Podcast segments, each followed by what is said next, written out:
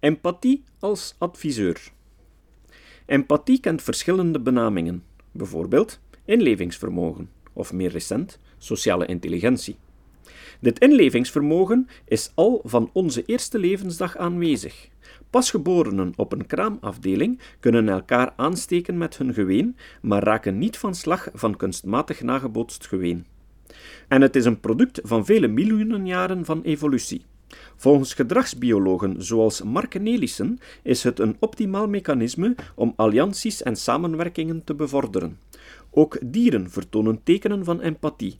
Dit is aangetoond bij muizen, paarden, honden en andere primaten dan de mens. Onder meer Langford et al. 2006, De Waal 2005.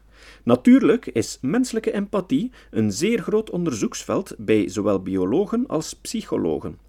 Sinds de jaren 90 is men dankzij speciale medische beeldvormingstechnieken ook kunnen gaan kijken welke netwerken in het brein actief zijn bij empathie en moraliteit. Voetnoot. Dit is in werkelijkheid niet juist. Beeldvorming van de hersenen gebeurt achteraf, door complexe berekeningen, en het beeld in de hersenen wordt via complexe software nagemaakt op scherm. Het is dus niet zoals een instant foto nemen. Einde voetnoot. Ook hier bleek het onderzoek van Ledoux nuttig, want de emotionele connectie bij empathie komt eerst tot stand via de lage, snelle route. Daarna gaan complexe cognitieve processen er begrip en voorstellingsvermogen aan toevoegen, via de hoge, tragere route.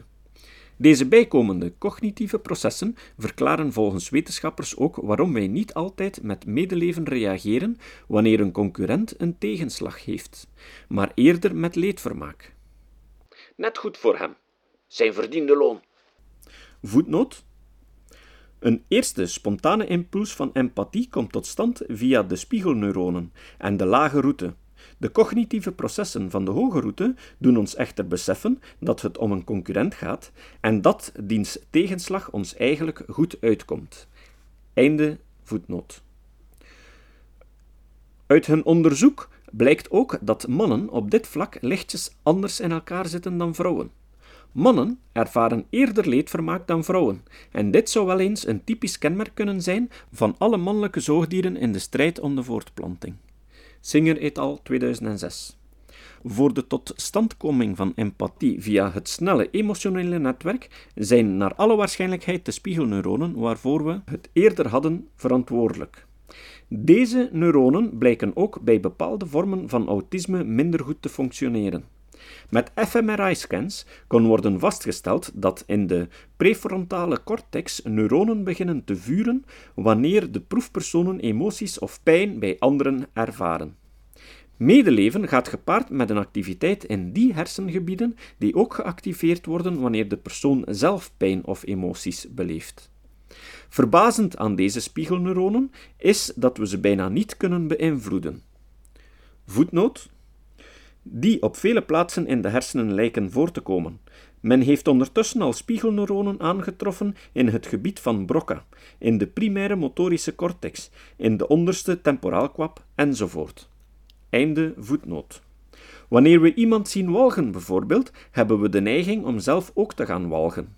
Hetzelfde geldt voor braken of minder weerzinwekkende dingen, zoals iemand die zich in de vinger snijdt.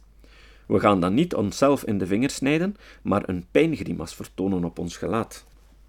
Bij proeven bleek zelfs dat mensen niet in staat zijn om hun gezicht onder controle te houden.